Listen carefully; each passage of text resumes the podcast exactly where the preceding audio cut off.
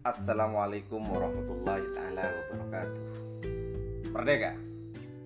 Kawan-kawan peserta kaderisasi tingkat dasar Gerakan Mahasiswa Nasional Indonesia, Komisariat FKIP dan Universitas Islam Madura DPC Kabupaten Pamekasan.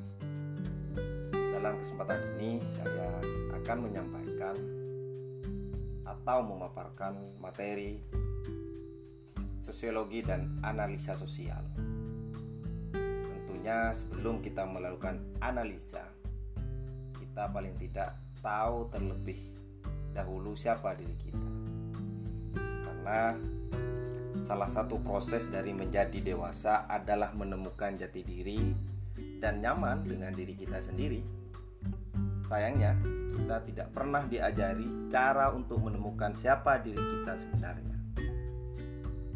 Karena sering kali saat kita sudah mengambil sebuah keputusan, kita masih dibuat bingung dengan nilai-nilai serta apa yang sebenarnya kita inginkan dalam hidup.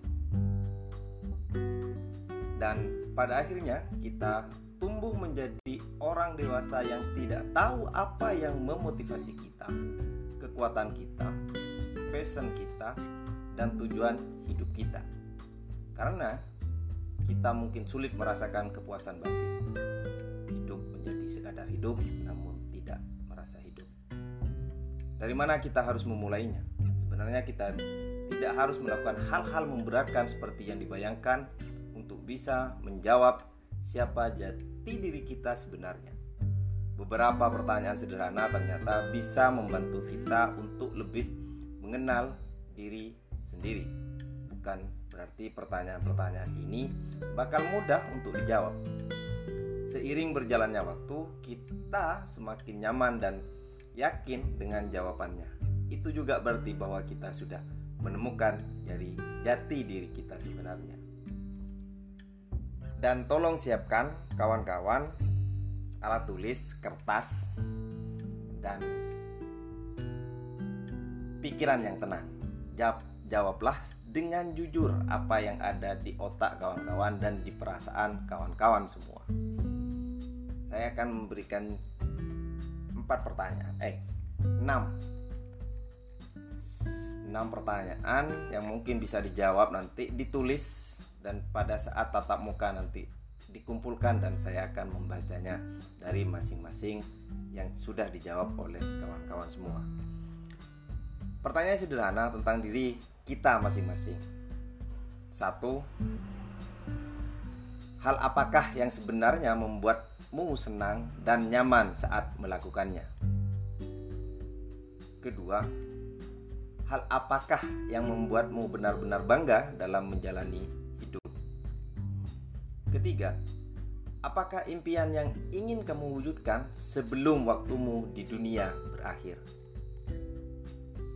4 siapakah orang yang benar-benar bisa menginspirasimu. 5. Jika kamu memiliki akses ke uang yang sangat banyak, apa yang akan kamu lakukan? 6. Jika tidak ada batasan terhadap apa yang bisa kamu miliki atau lakukan di dunia ini, apakah itu? Dari enam pertanyaan itu, tolong dijawab dengan singkat sesuai dengan perasaan dan pikiran kawan-kawan semua. Di secari kertas menggunakan pensil boleh, menggunakan bolpen juga boleh. Selamat menjawab dan ini harus dijawab dengan sebenar-benarnya dan setulus-tulusnya.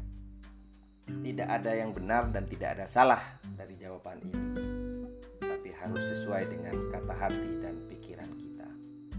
Terima kasih. Wassalamualaikum warahmatullahi taala wabarakatuh.